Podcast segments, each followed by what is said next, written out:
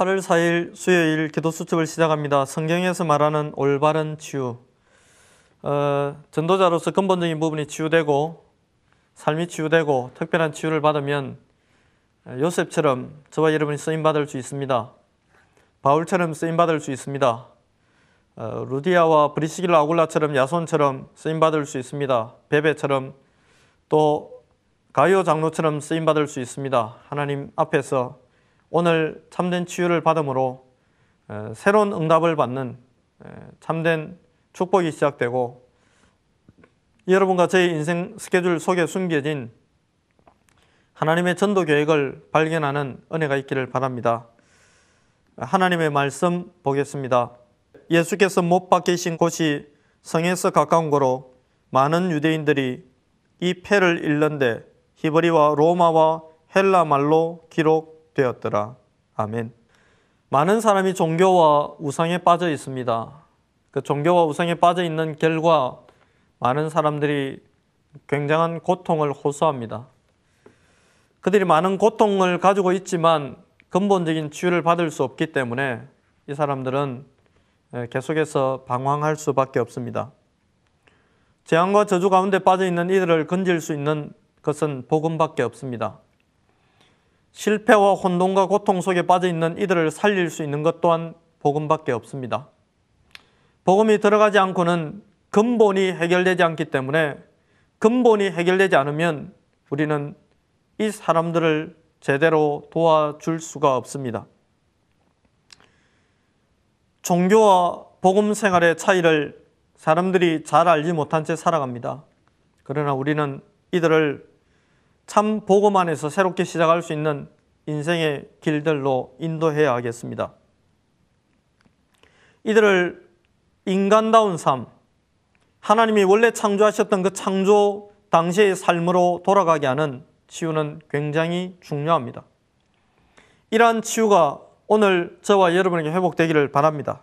그렇다면 올바른 치유는 어떤 것일까요? 첫 번째입니다. 근본 치유입니다. 그리스도 예수께서 십자가에서 모든 것을 완성하셨습니다. 부활하심으로 그 생명은 하나님 자신임을 증명하셨습니다. 이 그리스도 예수께서 십자가에서 모든 문제를 해결하셨기 때문에 모든 사람은 이 그리스도 예수를 만나고 그리스도 예수를 생명으로 소유하는 영접으로부터 근본적인 치유를 시작해야 합니다. 구원받지 못한 상태에서 이리저리 뛰어다니며 받는 치유는 참된 치유일 수가 없습니다. 구원받지 못한 상태에서 다른 종교를 의지하는 것은 참된 치유가 될 수가 없습니다.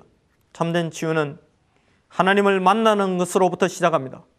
참된 치유는 예수를 그리스도를 믿고 영접하는 구원의 축복으로부터 시작합니다. 참된 치유는 성령의 내주로부터 시작하고 참된 치유는 성령의 인도를 통해서 성령의 역사를 통해서 어, 나타나게 되어 있습니다.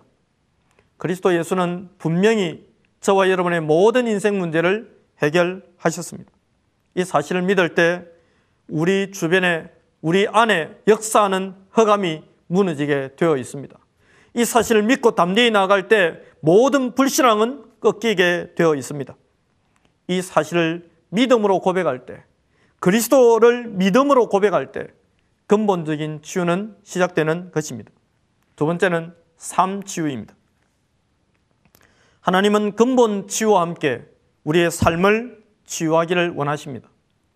삶의 치유가 필요한 것은 그 삶의 치유를 통해서 우리에게 그릇이 준비된다는 것입니다.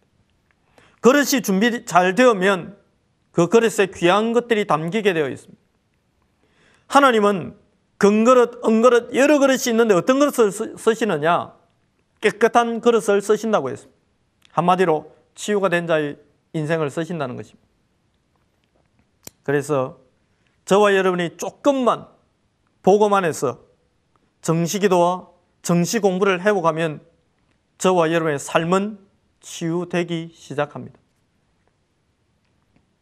무너져 버렸던 삶이 정시기도를 통해서 힘을 얻고 정시 공부를 통해서 규모가 회복되면서 모든 치유가 회복되는 것입니다. 하나님의 자녀는 이미 모든 복을 다 받았습니다. 하나님의 자녀는 근본이 이미 치유되었습니다. 이제는 하나님의 주실 응답들을 담을 그릇 준비를 하는 삶의 치유를 받아야 하겠습니다. 세 번째, 특별 치유입니다. 혹시 다른 사람이 말 못하는 나쁘고 고약한 습관이 있습니까? 혹시 문제가 있습니까? 그렇다면 하나님의 말씀에 집중해야 합니다. 또한 들은 말씀을 붙잡고 깊은 기도 속으로 들어가는 묵상 기도의 시간을 가지시기를 바랍니다. 하나님께서 이러한 시간을 통해서 저와 여러분의 근본적인 마음과 생각 속에 큰 변화를 일으키기 시작하십니다. 이렇게 되면 마음과 생각이 허탄한 곳에 머물지 않고 허탄한 곳에 빼앗기지 않는 축복을 얻게 됩니다. 무엇보다 중요한 것은 이제 실천입니다. 하나님의 능력을 공급받는 정시기도, 삶의 규모를 회복하는 정시 공부, 정시 독서를 통해 여러분의 인생에 하나님이 예배 놓으신 모든 축복이 임하는 은혜가 있기를 바랍니다. 오늘의 포럼을 나누겠습니다. 어떻게 하면 치유가 될 수 있을까요? 내게 임한 복음의 능력을 묵상하고 말씀이 말씀을 깊이 묵상하면 치유될 수 있습니다. 기도 속에서 조용히 오늘의 삶을 계획해 보세요. 복음의 능력은 이미 임했습니다. 사단의 권세를 꺾으신 능력이 저와 여러분 속에 있습니다. 이 능력을 최대한으로 누림으로 참된 치유를 받고 현장을 살리는 전도자의 삶을 살아가게 되기를 그리스도 예수 이름으로 축복합니다. 기도하겠습니다. 성경에 나오는 이러한 치유를 사나운 랩런트들과 다락방 전 가족이 받음으로 하나님의 응답을 담을 그릇이 되게 하시고 현장을 살리는 전도자의 삶을 회복해 없소서. 감사드리며 살아계신 예수님의 이름으로 축복하며 기도하옵나이다. 아멘.